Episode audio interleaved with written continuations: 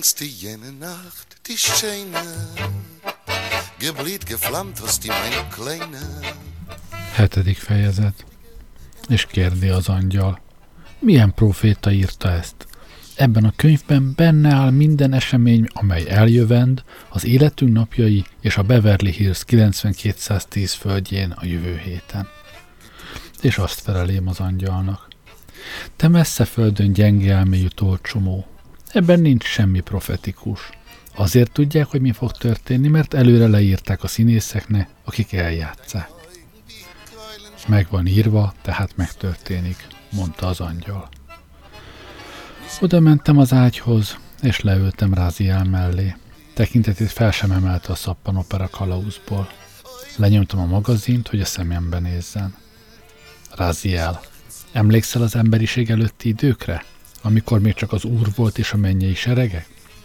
Ó, igen, azok voltak a szép idők, kivéve a háborút persze, de attól eltekintve csodálatos idők voltak és ti angyalok olyan erősek és szépek voltatok, akár az isteni képzelet, és az urat és dicsőségét zengő éneketek elhatolt a világ minden sarkába.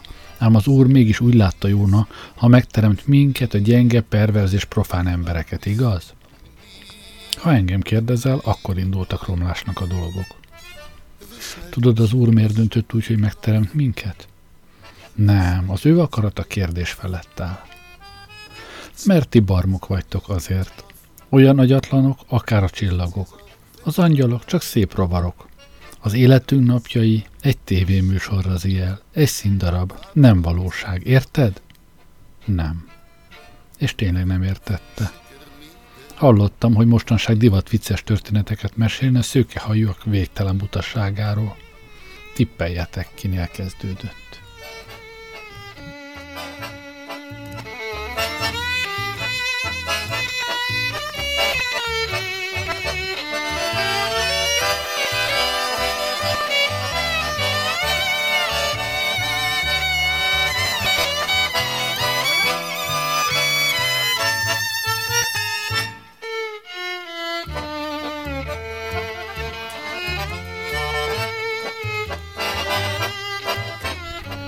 Szerintem mind arra számítottunk, hogy miután a gyilkos kilétére fény derült, minden visszatér a rendes kerékvágásba.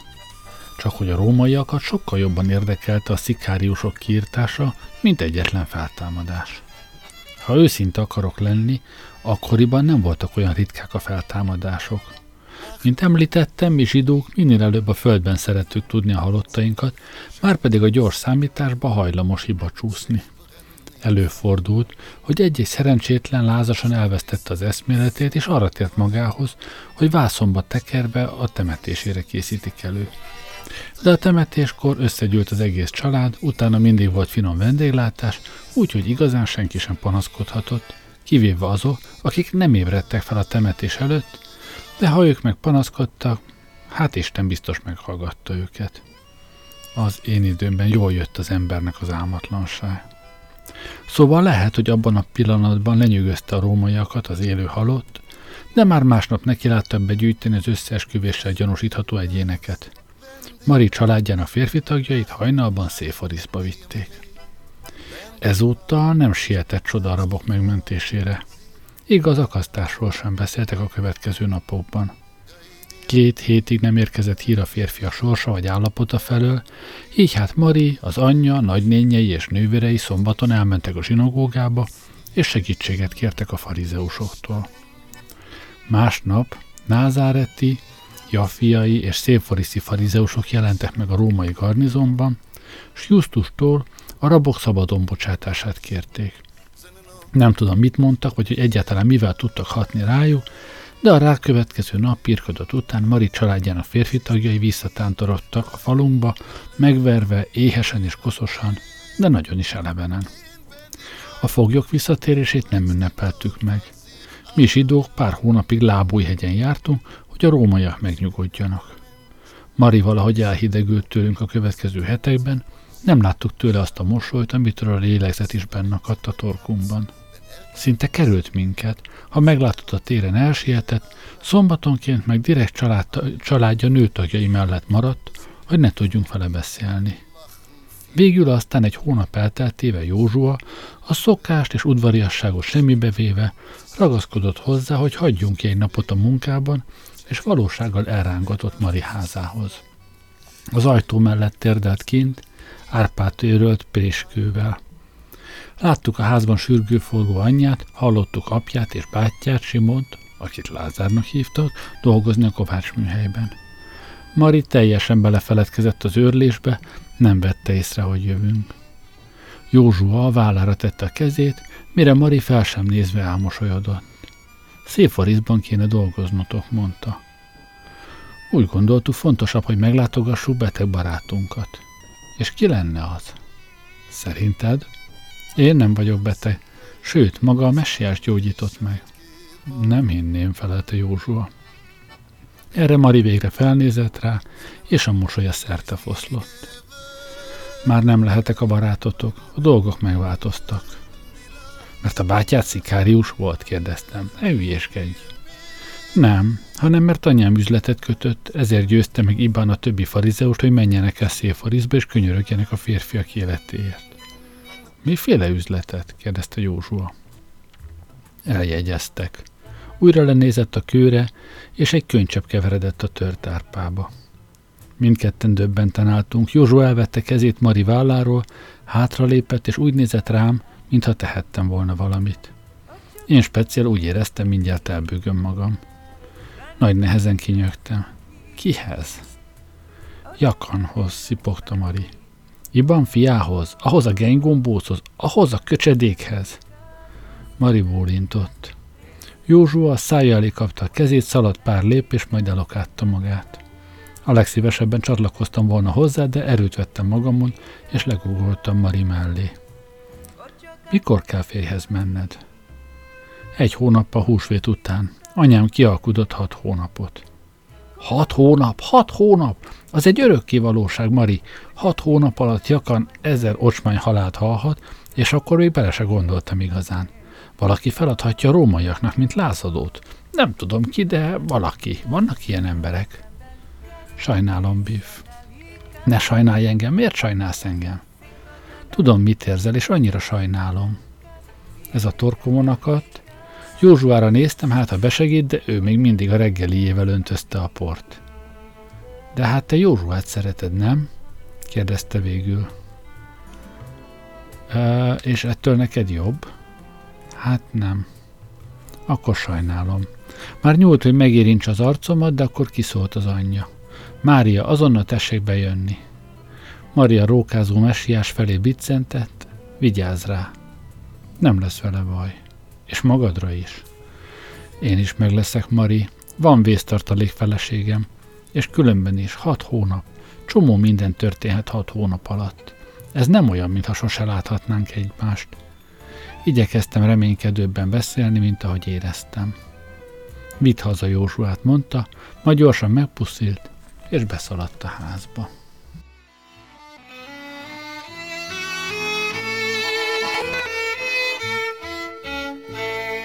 Sie bin ich denn fin a Stein geboren, sie hat mich keine Mame gehad.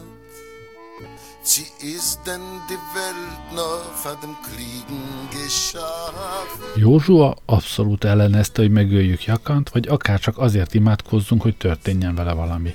Sőt, sokkal kedvesebben viselkedett Jakannal, mint valaha, még meg is kereste és gratulált neki az eljegyzéshez, amitől én rohadt dühös lettem. Úgy éreztem elárult. Az olajligetben kértem számon rajta, ahol imádkozni szokott a göcsörtös fatörzsek között. Te gyáva, lesújthatnád, ha akarnád. Ahogy te is felelte. Aha, de te Isten haragját küldhetnéd rá. Nekem oda kéne lopoznom mögé és fejbe nyomni egy kővel. Van különbség. És miért tölnéd meg Jakant? Mert nincs szerencséd? Szerintem ez elég jó indok. Olyan nehéz elengedned, ami soha nem is volt a tiéd. Reményem azért volt, Józsó. Tudod, mi a remény, ugye?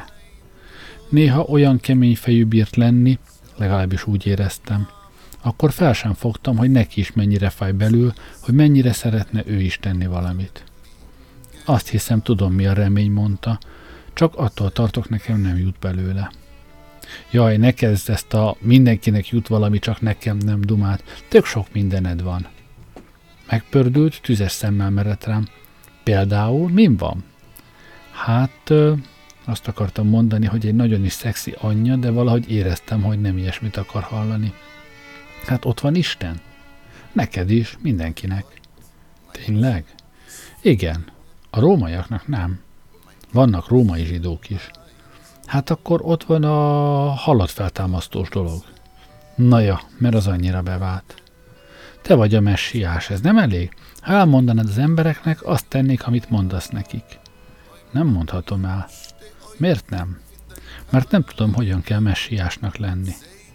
Akkor legalább Marival csinálj valamit. Nem teheti, szólt közbe egy hang az egyik fa mögül, amelynek törzsét aranyfényű izzás övezte. Ki van ott, szólt oda Józsua. Raziel, az angyal lépett elő. Az úr angyala, dörmögtem Józsóna. Tudom, ha egyet láttál, láttad mindet. Nem tehet semmit, ismételte az angyal. Miért nem kérdeztem? Mert nem ismerhet egy nőt sem. Nem, nézett rá Józsua. Csöppet sem tűnt boldognak. Nem ismerhet? Úgy értve, hogy nem tud, vagy nem szabad neki, próbáltam tisztázni. Az angyal megvakarta arany színfejét. Ezt elfelejtettem megkérdezni. Pedig elég fontos, mondtam neki. Azt tudom, hogy Mária Magdolnával nem csinálhat semmit. Azért küldtek, hogy ezt megmondjam. Meg azt is, hogy ideje menni. Hová? Ezt se kérdeztem meg. Gondolom, meg kellett volna ijednem, de azt hiszem kihagytam az ijegységet, és egyenesen az elkeseredettségbe ugrottam. Oda léptem az angyalhoz, és melbebögtem. Ugyanaz vagy, aki már korábban is eljött hozzánk, hogy a megváltó eljövetelét közölje? Az úr akarta, hogy elhozzam az örömteli hírt. Csak azért kérdezem, hogy mindegyformák vagytok-e. Szóval először tíz évet késel, aztán küldenek veled egy másik üzenetet? Azért jöttem, hogy megmondjam a megváltónak, ideje mennie. De azt nem tudod hová. Nem. És ez az aranyizét körülötted micsoda? Az Úr dicsősége. Biztos, hogy nem a belőled szivárgó hülyeség? Béf, légy kedvesebb az úr különcéhez. A francba, Józsó, ez egyáltalán nem segít. Ha már kapunk angyalokat fentről, legalább tudnánk, mit csinálna. Döntsenek le falakat, romboljanak le városokat, vagy valami, nem tudom, adják át a teljes üzenetet. Sajnálom, mondta az angyal, akarjátok, hogy leromboljak egy várost? Mi lenne, ha kiderítenéd, hová is kéne mennie Józsónak? Azt is lehet. Akkor legyen. Mindjárt jövök. Megvárunk. Csak szaporán, mondta Józsua. Az angyal már be is lépett egy fa mögé, és az aranyszíni izzás meleg fuvallat kíséretében eltűnt az olajfaligetből. Elég kemény voltál hozzám, mondta Józsua. Nem lehet mindig mindent kedvességgel elintézni, Józsó. Próbálkozni azért szabad. Mózes talán kedves volt a fáraóval. Mielőtt válaszolhatott volna, újra meleg szél lebbent, és az angyal lépett elő egy fa mögül hogy találkozza végzeteddel, adta meg a választ. Mi van? kérdeztem. Mi van? kérdezte Józsua. Azért kell elmenned, hogy találkozza végzeteddel. Ennyi? nézett rá Józsua. Igen. És mi van azzal a nőt ismerni dologgal? kérdeztem. Mennem kell. Kapd el, Józsó, te fogod, én ütöm. De az angyalt már elfújta a szél. A végzetemmel nézegette üres tenyerét Józsua. Ki kellett volna vernünk belőle a választ. Nem hinném, hogy lehet. Ja, persze, vissza a kedvesség taktikához. Mózes talán, Mózesnek azt kellett volna mondani, bocsásd el a népemet, kérlek. Mert az úgy más. Talán bevált volna, nem tudom. Akkor most mi lesz a végzeteddel? Megkérdezem a szentek szentjét, ha húsvétkor elmegyünk a templomba.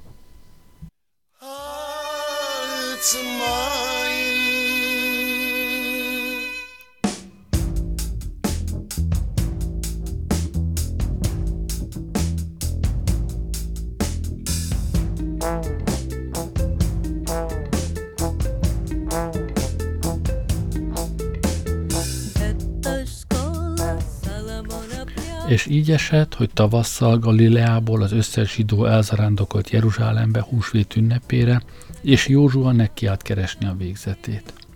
Az, úr, az út megtelt a Szentvárosba igyekvő családokkal. Tevékre, szamarakra és kocsikra pakolták az útravalót, és az arándokok végtelen sora mellett végig az áldozatnak szent bárányok bégetését lehetett hallani.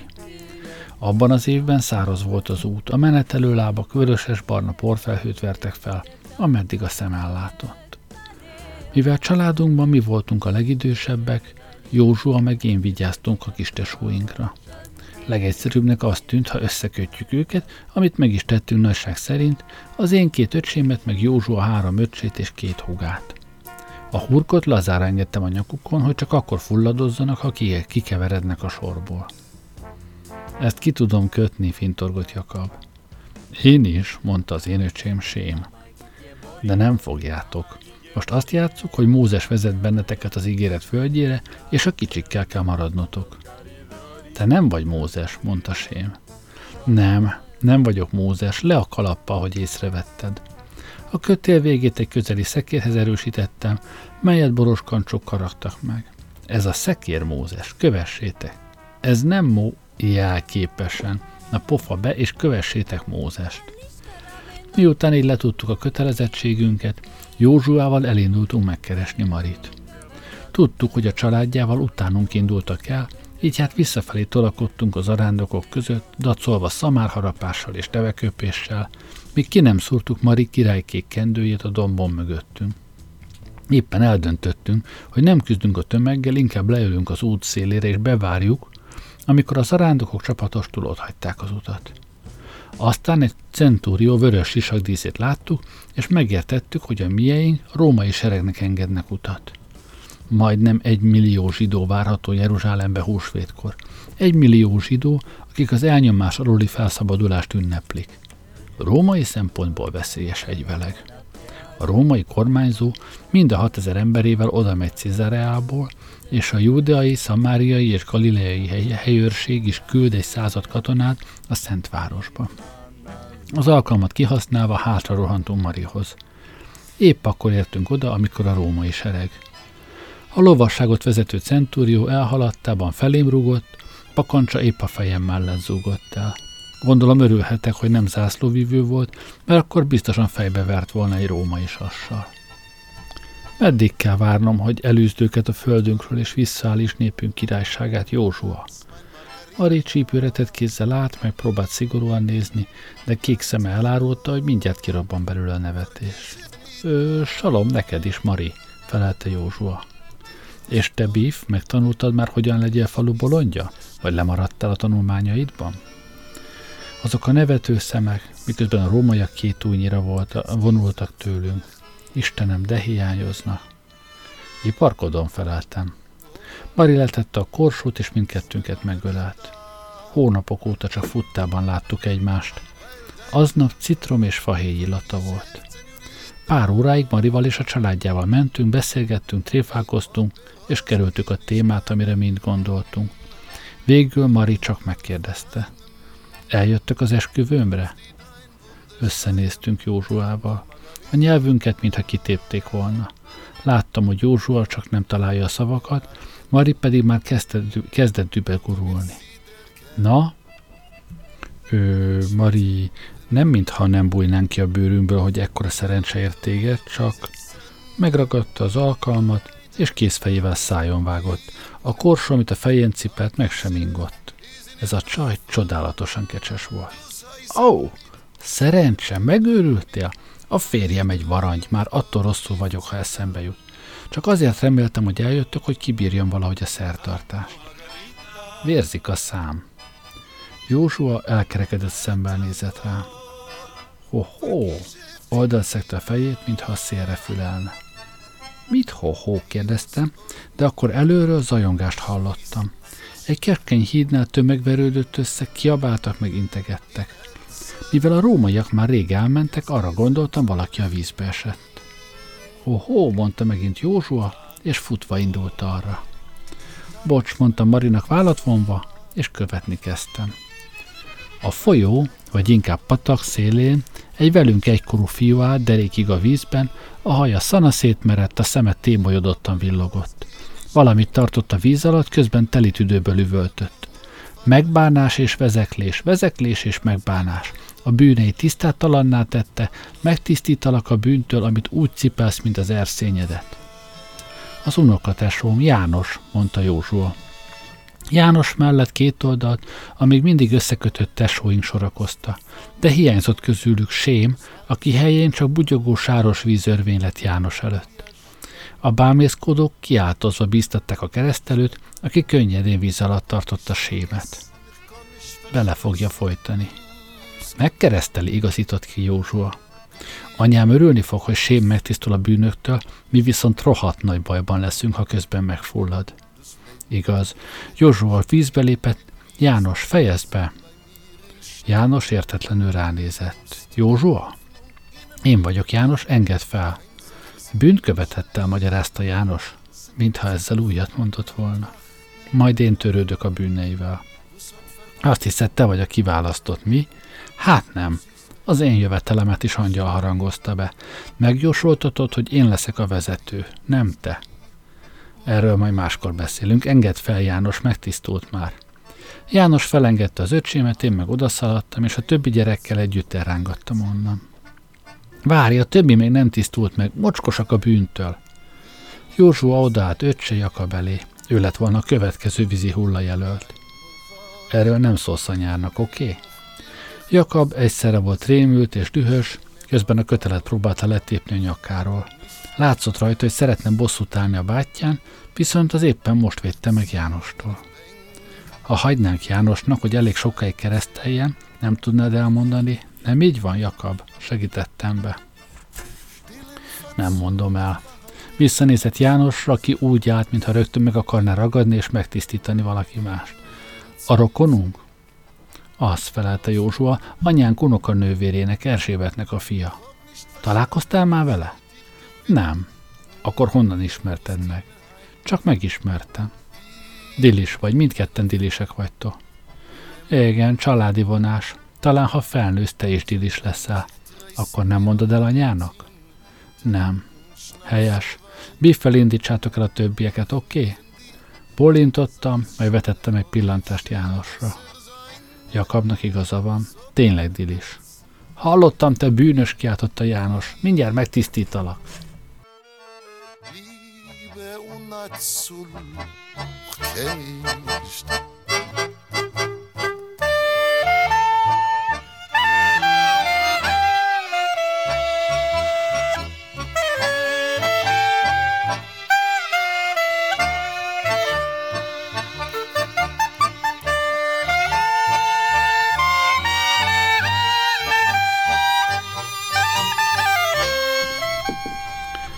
Aznap este János és a szülei velünk ettek. Meglepve láttam, hogy a szülei idősebbek Józsefnél, sőt a nagyszüleimnél is. Józsua elmesélte, hogy János születése csoda volt, amit angyal hozott hírül. Erzsébet János anyja egész vacsor alatt erről mesélt, mintha tegnap történt volna, nem harminc évvel azelőtt. Amikor az öregasszony meg megállt levegőt venni, akkor meg Józsua anyja kezdett rá fia születésének égi beharangozására. Néha-néha anyám is közbe kutyogott, csak hogy megvillantsa saját anyai büszkeségét, amit amúgy sosem érzett. Tudjátok, Biff érkezését nem jelezte angyal, de akkoriban, amikor fogant, a sáskák megették a kiskertet, Alfeus meg egy hónapig küzdött a szelekkel. A többi fiamnál nem volt ilyen. A anyám, mondtam már, hogy démon szállta meg? Vacsora után Józsuával saját tüzet gyújtottunk távol a többiekétől, remélve, hogy Mari megkeres minket, de csak János csatlakozott hozzánk. Nem vagy felkenve támadt Józsuára, az én apámhoz Gábriel jött el, a te angyalodnak még neve sincs. Erről nem szabadna beszélnünk. Az angyal azt mondta apámna, hogy a fia készíti elő az utat az úrnak. Ez vagyok én. Józsua megvonta a vállát. Tőlem Figyelj, legyél te a messiás János. Komolyan? De anyád olyan... Józsó feltámasztja a hallottakat, mondtam. János őrült szeme felén villant, én meg odébb csusszantam, hát ha meg akar ütni. Az nem lehet, rázta a fejét. Kétszer is. Biff, ne! szólt rám Józsua. Hazudsz, a hamis tanúzás bűn. A keresztelő nem annyira dübegurult, mint inkább bepánikolt. Nem csinálom túl jó a vant vállat Józsua. János szeme elkerekedett, de nem az őrülettől, hanem a csodálkozástól. Tényleg ilyet tettél? Feltámasztottál halottakat? És meggyógyított betegeket toldottam meg. János elkapta a köntösöm elejét, és magához húzott. Úgy merett a szemembe, mintha a fejembe látna. Ugye nem hazudsz? Józsuára nézett. Nem hazudik? Sajnos nem. János elengedett, nagyot sóhajtott, majd leült a földre. A tűz fényénél könnyek csillantak meg a szemében, ahogy a semmibe révett. Annyira megkönnyebbültem. Fogalmam se volt, hogy csinálja. Nem tudom, hogyan kell messiásnak lenni. Én sem, mondta Józsua. Hát, remélem fel tudod támasztani a halottakat, mert abba, ebbe anyám belehal. Azt tuti. Mazel die scheinst amul vor jedem, vor jedem, noch nicht vor mir. Mazel die bringst a jedem Frieden, vor wo's versäumst die mein Tier. Három napig gyalogoltunk Jánossal keresztül Szamárián be Júdeába, és végül a Szentvárosba. Szerencsére útközben kevés folyó meg patak akadt, így a minimumon bírtuk tartani a keresztelő búzgalmát. A szíve a helyén volt, valóban meg akarta tisztítani népét a bűntől, csak éppen senki nem akarta elhinni, hogy Isten egy 13 éves fiúra ruházna ekkora felelősséget. Hogy boldog legyen, Józsua meg én hagytuk, hogy kistesóinkat minden víznél megkeresztelje, ami csak az utunkba akadt. Legalábbis, amíg Józsua legkisebb huga, Miriam meg nem fázott. Akkor Józsua gyorsan meggyógyította. Tényleg tudsz gyógyítani, ismerte el János. Hát a megfázás nem nagy ügy, egy kis takony semmi az úr erejének. Meg, megtennéd? Azzal János felemelte köntösét, feltárva a privát zónáját, ahol kelésekkel és zöldes pikkelyekkel volt borítva.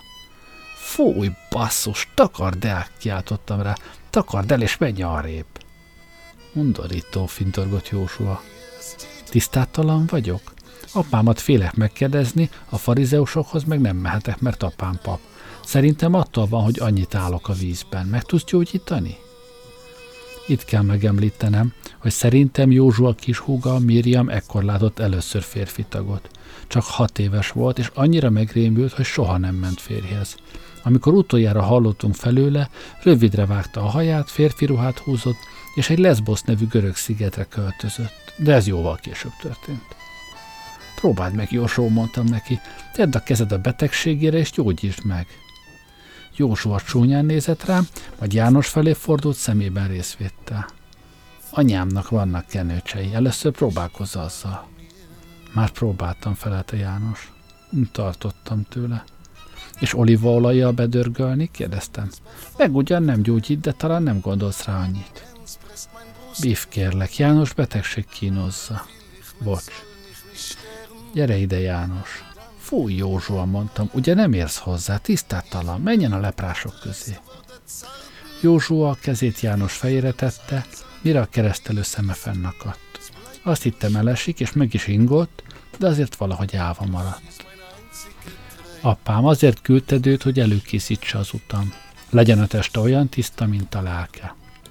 Józsua elengedte őt, aztán hátra lépett. János kinyit, kinyitotta a szemét, és elmosolyodott. Meggyógyultam, meggyógyultam. Már emelte az ingét, de elkaptam a kezét. Elhisszük. Kereszt előtt térdre esett, majd a földre borult Józsua előtt, arcát Józsó lábának nyomba. Te vagy az igazi messiás, ne haragudj, hogy kételkedtem benned. A te dicsőségedet fogom hirdetni az egész földön.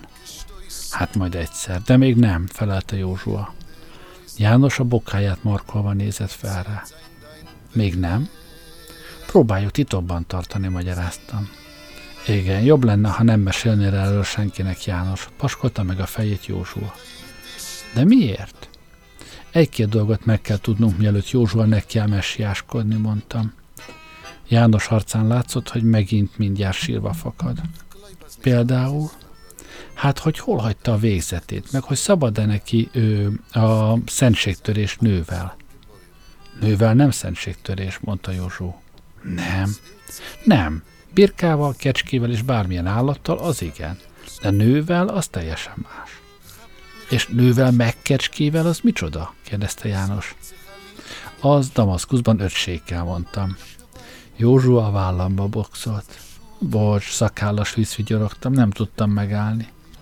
János lehúny szemmel a homlokát dörgölte, mintha azt hinné, ha elég erősen nyomja, felfogja a dolgot. Szóval azt akarod, hogy senki se tudjon a gyógyító erődről, ami meg nem tudod, lefekhetsz nővel? Igen. Meg fogalmam sincs, hogyan legyek messiás.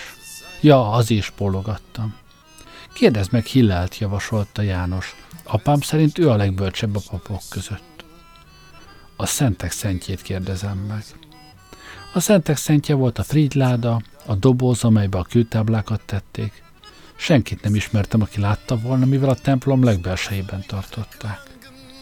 De az tilos, csak a papok léphetnek be a frigláda kamrájába. Igen, itt van némi bübi, mondtam.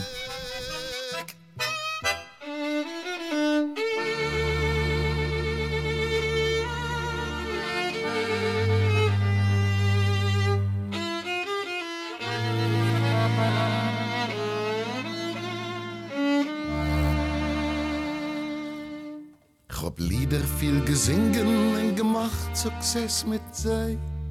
Sie haben Schein geklingen, nur vergessen werden sei. Viel Lieder in Romanzen, gesingen und schier. Nur die beste Chancen, weißt ihr, wo A város olyan volt, akár egy hatalmas csésze, amely csurig telt az arándokokkal, akik aztán bugyogó embertócsaként folytak ki belőle. Mire megérkeztünk, a sor már a damaszkuszi kapunál várta, hogy bevihesse a bárányát a templomba. Zsíros, fekete felhőt sodort a szél a templomból, ahol legalább tízezer pap vágta az állatokat, majd égette az oltáron a vért és a zsírt. Az egész városban tüzek égte, amikre a nők elkészítették a bárányhúst. A levegő millió ember és állat testétől bűzlött. A hőségben egyre állottabb lett a levegő, erősödött az izzadság és a húgyszag, amihez hozzáadódott a bárányok bégetése, a tevék bőgése, a gyerekek sírása, a nők jajgatása, és túl a sok hang egybemosódó hang zümmögésén, míg a levegő szinte pempős lett a hangoktól, szagoktól, Istentől és a történelemtől. Itt érte Ábrahámot Isten szava, miszerint az ő népe a kiválasztott, ide vezették a zsidókat Egyiptomból, itt építette Salamon az első templomot, itt jártak a proféták és királyok, itt őrizték a szövetség ládáját. Jeruzsálem. Ide jöttünk. Krisztus, keresztelő János meg én, hogy megtudakoljuk Isten akaratát, és ha mázlink van, lássunk egy-két incsiklandó lányt. Miért tényleg azt hittétek az élet csak vallás meg filozófia? Családjaink a város északi falán kívül vertek tábort, az Antónia erődnél, amelyet Heródes, a jótevője, Marcus Antonius tiszteletére építetett. Az erődfalakról két kohorsznyi római katona, azaz úgy 1200 ember figyelte a templom udvart. A nők megfürdették és megetették a kicsiket, Józsua meg én pedig apánkkal a templomba vittük a bárányokat. Volt valami zavaró abban, hogy állatot vittünk lemészárolni. Na nem, mintha nem láttam volna előtte áldozatot, nem ettem volna a húsvéti bárányból, de első alkalommal vettem benne részt. Éreztem a lehelletit a nyakamon, ahogy a vállamra vetve vittem, és a templom zajában, szagában és tülekedésében egy pillanatra hirtelen irdatlan csend támadt, csak a bárány légzését és szívverését hallottam. Lemaradhattam a többiektől, mert apám megfordult és odaszólt nekem, de nem értettem, hogy mit. Átmentünk a kapukon, be a templom külső udvarába, ahol a kereskedők madarakat adtak el áldozatna, pénzváltók pedig sékelért százféle pénzt kínáltak szerte a világból. Átvágtunk a hatalmas udvaron, ahol férfiak ezrei várakoztak bárányjal a vállókon, hogy bejussanak a belső templomba, az oltárhoz, a mészárlásba, de én nem láttam az arcukat. Csak a bárányokat láttam. Ez nyugodtan tűrt, a másik fennakadt szemmel rettegve bégetett, a harmadik pedig kábán adta meg magát a sorsnak. Levettem a bárányt a vállamról, és a karomban dajkálva akár egy gyermeket a kapu felét hátráltam. Tudom, hogy apám és József utánam jöttek, de akkor nem láttam tisztán az arcukat, csak szemük helyén az ürességet, csak a bárányok szemét. Nem kaptam levegőt, ki akartam jutni a templomból. Azt sem tudtam, merre megyek, csak azt, hogy be az oltárhoz biztos nem. Sarkon fordultam, de egy kéz elkapta a ruhámat és visszahúzott. Megpördülve Józsuával néztem farkas szemet. Isten akarata, mondta. Kezét a fejemre tette, és én újra kaptam levegőt. Semmi baj, Biff. Isten akarata mosolygott. A saját bárányát letette a földre, de az nem futott el. Gondolom már akkor tudnom kellett volna. A húsvéti ünnepek alatt egy falat bárány nem ettem. Sőt, nem ettem bárányt a mai napig.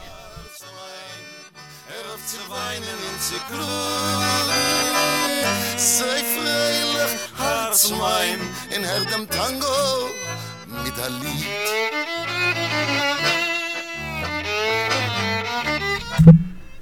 Nyolcadik fejezet Sikerült kiosolnom a fürdőszobába annyi időre, hogy pár fejezetet elolvassak az új szövetségből, amit hozzátoldottak a mi bibliánkhoz.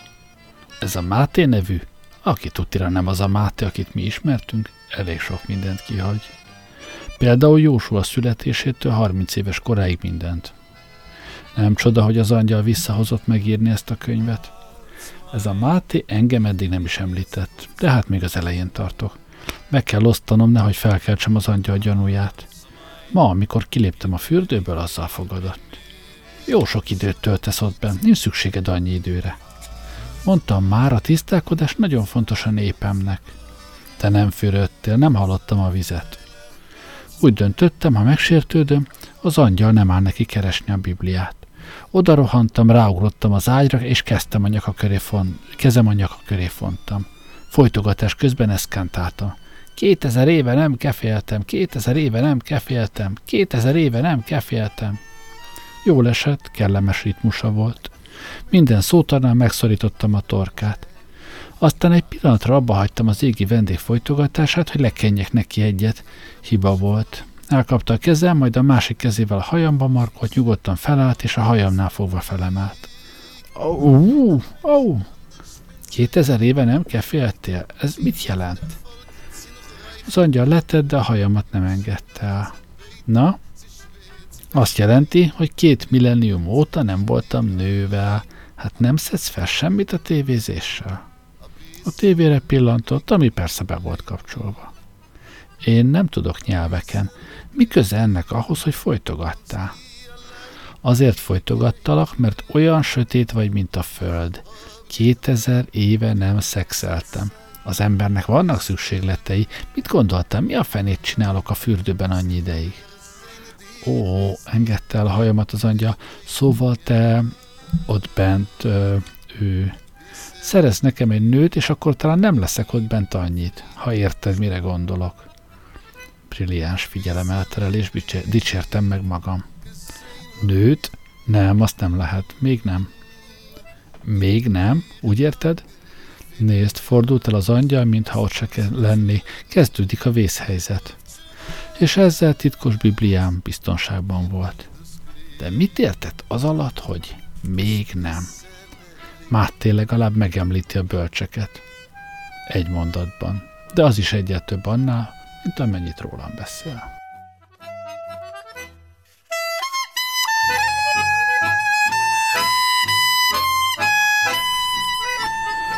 A második napon Jeruzsálemben elmentünk a híres Hillel rabbihoz.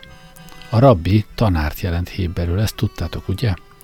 Hillel száz évesnek látszott, haja és szakkála hosszú volt és fehér, szeme homályos, az írisze tejfehér. Bőrét hártyásra és barnára égette a sok naponülés, orra hosszú és kampos volt, úgy nézett ki tőle, mint egy hatalmas vaksas. Egész délelőtt oktatott a templom külső udvarán. Csendben hallgattuk, ahogy felolvasott a tórából, majd értelmezte a szöveget, kérdéseket válaszolt meg, és vitatkozott a farizeusokkal, akik az élet minden apró dolgába megpróbálták belemagyarázni a mózesi törvényeket. Hillel előadásának vége felé Jakan, imádott Marim teve szopó leendőbelie megkérdezte Hillelt, bűne megenni azt a tojást, amit a tyúkok sábeszkortoltak. Te teljesen hülye vagy? Az urat hidegen hagyja, mit csinálnak a csirkék sábeszkor, te Nimród. Azok csak tyúkok. Ha egy zsidó tojik tojás sábeszkor, na az már bűn, akkor gyere hozzám. Különben ne pocsékold az időmet barom kérdésekre. Most menjetek, éhes vagyok és szunyálnom kell. Tűnés mind. Józsua vigyorogva nézett rám. Nem ilyennek képzeltem. Felismeri a Nimródot, ha meglátja vagy hallja. Nimród egy király volt, akinek fulladás általi halál jutott, miután testőrei előtt fennhangon azon töprengett, milyen lehet, ha az ember fejét a saját seggébe dugják. Egy nálunk fiatalabb fiú felsegített az öreget, és elindultak a templom kapu felé. Oda szaladtam, és megfogtam a pap másik kezét. Rabbi, a barátom messziről érkezett, hogy beszéljen veled. Segítesz neki? Az öreg megtorpant. Hol a barátod? Itt van. Akkor miért nem ő beszél? Honnan jössz, fiam? Názáretből felelte Józsua, de Betlehemben születtem. József fia, Józsua vagyok. Á, igen, beszéltem anyáddal. Beszéltél? Igen, ahányszor apáddal Jeruzsálembe járnak, mindig megkeres. Azt hiszi, te vagy a messiás. Józsua nagyot nyelt. És nem? Hillel horkantott. Messiás akarsz lenni? Józsua rám nézett, mintha én tudnám a választ. Megvontam a vállam. Nem tudom, nyögte ki. Azt hittem, azt csak csinálnom kell. Szerinted te vagy a messiás? Nem tudom, szabad-e mondanom? Ez okos. Nem tudod, szabad-e mondanod. Hiheted, hogy te vagy a messiás, csak nem mondd el senkinek. De ha nem mondom el, nem fogják tudni. Úgy van, pálmafának is hiheted magad, csak nem mondd el senkinek. Sirály csapatnak is hiheted magad, csak nem mondd el senkinek.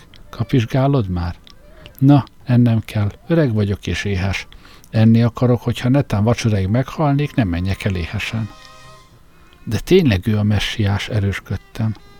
Na ja, ragadta meg a vállam hillel, majd kitapogatta a fejem, hogy a fülembe üvölthessen. Mit tudsz te? Tudatlan suhanc vagy. Hány éves vagy? Tizenkettő? Tizenhárom? Tizenhárom. Hogyan tudhatnál bármit 13 évesen? Én 84 vagyok, és nem tudok szart se. Tehát bölcs vagy. Elég bölcs vagyok, hogy tudjam, hogy nem tudok szart se. Most menjetek. Kérdezzem meg a szentek szentjét? kérdezte tőle Józsua. Hillel megpördült a levegőben, mintha meg akarna ütni Józsuát, de jócskán elvétette. Az egy fadoboz. Én láttam, már amikor még láttam, és én mondom, az csak egy fadoboz. És ha mondhatok még valamit, ha voltak is benne kőtáblák, már nincsenek. Szóval, ha egy üres dobozhoz akarsz beszélni, és azt akarod, hogy kivégezzenek, amiért megpróbálsz bejutni oda, csak rajta. Erre Józsuába kiszaladt a levegő, azt hittem, ott helyben elájul. Hogy beszélhet Izrael legnagyobb tanítója így a szövetség ládájáról? Hogy mondhatja az, aki betéve tudja a Tóra minden szavát, és az azóta keletkezett összes tanítást, hogy nem tud semmit? Hillel megérezte Józsua bánatát. Nézd, fiam, anyád azt meséli, valami bölcsek mentek el hozzátok Betlehembe, amikor születtél. A jelek szerint tudtak valamit, amit senki más. Miért nem keresed meg őket? Kérdezd őket a messiáskodásról. Akkor nem mondod meg neki, hogyan legyen messiás? kérdeztem. Hillel megint Józsua után jó, de ezúttal harag nélkül. Megtalálta Józsua arcát, és szottyat kezével megsimogatta. Nem hiszem, hogy valaha is eljön a messiás, és jelenleg azt sem, hogy nekem bármit is számítana. Népünk többet raboskodott idegen királyok igájába, mint amennyit szabad volt, ezek után kimondhatná, hogy nem ez Isten akarata. Kimondhatná, hogy Isten bármi módon törődik velünk, azon kívül, hogy eltűri létünket. Szerintem ez van. Hát tudd meg, fiam, akár messiás vagy, akár rabbi leszel, vagy ha csak egyszerű földműves, egy mondatban össze tudom foglalni, amit tudok, és amit taníthatnék neked. Bánj úgy másokkal, ahogy szeretnéd, hogy veled bánjanak. Meg tudod jegyezni? Józsua biccentett, mire az öreg elmosolyodott. Keresd meg azokat a bölcseket, József fia Józsua. Úgyhogy a templomban maradtunk, Jósua pedig minden papot, őrt, sőt még farizeust is a bölcsekről faggatott, akik 13 éve jártak Jeruzsálemben. Másoknak nyilván nem volt akkor a szám, mint Józsó családjának, mert halvány lila fingjuk se volt, miről beszél. Pár óra után szó szerint üvöltött egy csoport farizeussal. Hárman, bölcsek, azért jöttek, mert egy csillagot láttak Betlehem fölött. Aranyat, tömjént és mirhát hoztak. Ugyan már, tök vének vagytok, elvileg bölcsek is, gondolkodjatok. Mondani sem kell, nem voltak elragadtatva. Ki ez a fiú, aki kétségbe vonja tudásunkat? Semmit nem tud a tóráról vagy a profétákról, és három jelentéktelen vándor miatt zargat minket. Na, ezt nem kellett volna. Józsuánál senki nem tanulmányozta alaposabban a tórát. Senki nem ismerte jobban az írást. Kérdez bármit, farizeus. Bármit. Visszanézve, miután felnőttem, már ahogy, éltem, meghaltam és feltámadtam a porból, így már tudom, hogy nincs irritálóbb, mint egy tinédzser, aki mindent tud. Kétségtelenül az életkor sajátja, hogy azt hiszik, mindent tudna, de ma már együtt tudok érezni szegény csórokkal, akik aznap felhúzták Józsuát. Na persze, akkor ott azt kiáltottam, adj nekik Józsó, adj a szemétládáknak. Józsua napokig ott ragadt, még enni sem ment el, én hoztam neki kaját a városból. Először a farizeusok faggatták Józsuát, aztán más papok is csatlakoztak hozzájuk. Próbálták megfogni egy tök ismeretlen Héber királlyal vagy vezérrel. A Biblia minden részével idéztettek vele, de ő meg se ingott. Én hagytam, hadd végezze a dolgát, és a Szentváros utcáit járva Marit kerestem, aztán amikor nem találtam, csak úgy általában jó csajokat. A szüleimnél aludtam, állandóan arra várva, hogy Józsua visszatér a családjához, de csak nem jött. Amikor húsvét véget ért, és már pakoltunk, Józsua anyja ilyetten keresett meg. Pif, láttad Józsuát? Szegény asszony teljesen oda volt, meg akartam vigasztalni, hát kitártam a karom. Szegény Mária, nyugodj meg, Józsua jól van, gyere, ha döleljelek meg. Bif, azt hittem pofon vág. A templomban van, na. Jesszus, az ember csak együttérző akar lenni, és mit kap érte? Már ott se volt. Amikor utolértem, már Józsuát rángattak ki a templomból. Halára aggódtuk magunkat. Tudhattad volna, hogy apám házában találsz felelte Józsua. Ne gyere nekem ezzel az apám szöveggel, József fia Józsua. A tíz parancsolat azt mondja, tiszteld atyádat és anyádat. Most éppen nem érzem, hogy nagyon tisztelne a fiatalember. Üzenhettél volna, beugorhattál volna. Józsua rám nézett, hogy segítsem ki. Próbáltam megvigasztalni Józsó, de nem hagyta. Később a hazautón Názáretbe melléjük keveredtem, és Józsua intett, hogy csatlakozzam. Anyám szerint megtalálhatjuk legalább az egyik bölcset, és ha az megvan, talán ő tudja, hol lehetnek a többiek. A Boldizsár nevűt bólintott Mária, a feketét. Azt mondta, egy faluból jött Antiókiától északra. A három közül csak ő beszélt héberül nem öntött el a magabiztosság, ha bár egyszer láttam már térképet, az Antiókiától északra nagy, bizonytalan és ijesztő helynek hangzott. Még valami?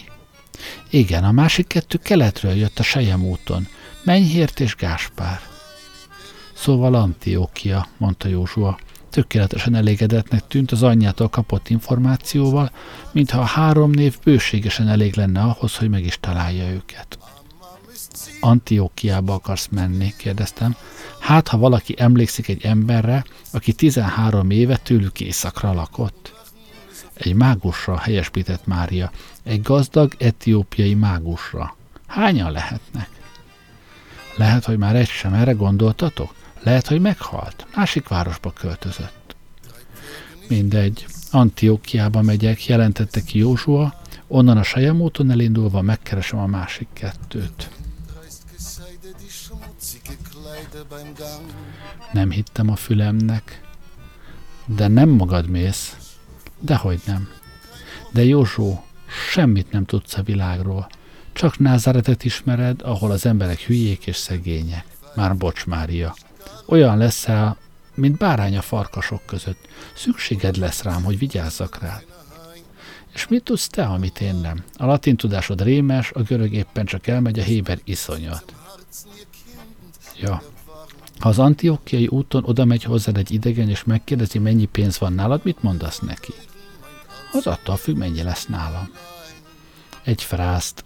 Azt mondod, hogy egy szelet kenyeres elég, hogy nincs telen koldus vagy. De ez nem igaz. Nem hát.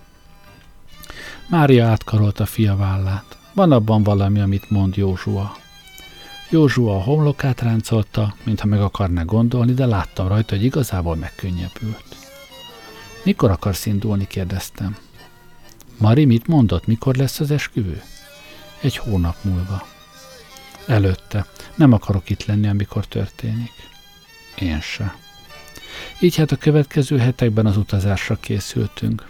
Apám azt hitte, megőrültem, anyám viszont örült, hogy végre lesz egy hely a házban, és a családnak nem kell mennyasszonypénzt kuporgatni, hogy feleséget keressenek nekem. Meddig lesztek el? kérdezte. Gőzöm sincs. Antiokia nincs olyan messze, de nem tudom, meddig leszünk ott. Aztán megyünk a sejem útra, gondolom az messze van. A környéken nem láttam sejmet. Vigyél egy gyapjú köntöst, ha hideg lenne.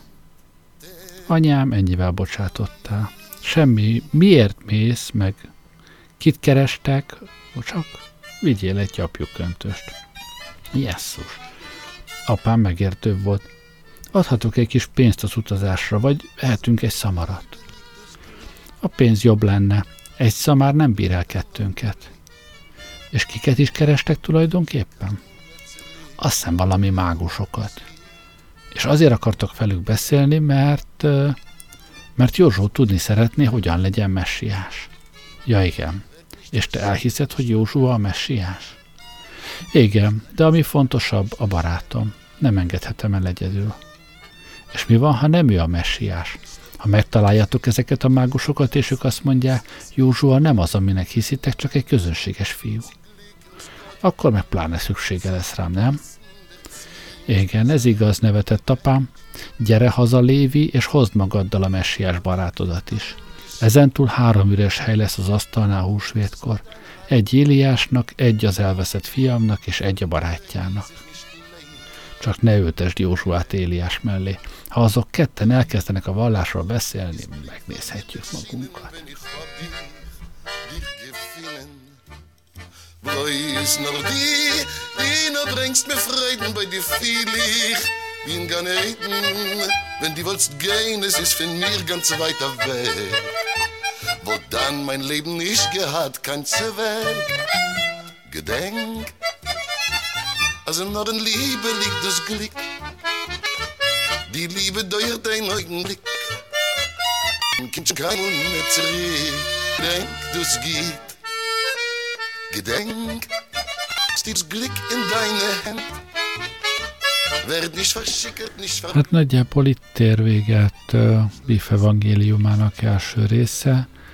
Uh, itt indulnak neki a nagy útnak, de ezt már nem fogom elolvasni nektek. Mindenki, akinek fölkeltettem az érdeklődését, lesz szíves beszerezni és elolvasni a könyvet a maga valójában.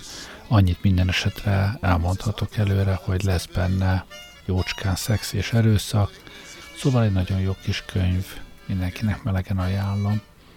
Köszönöm, hogy velem voltatok ma jó éjszakát kívánok, Gerlei Rádiózott.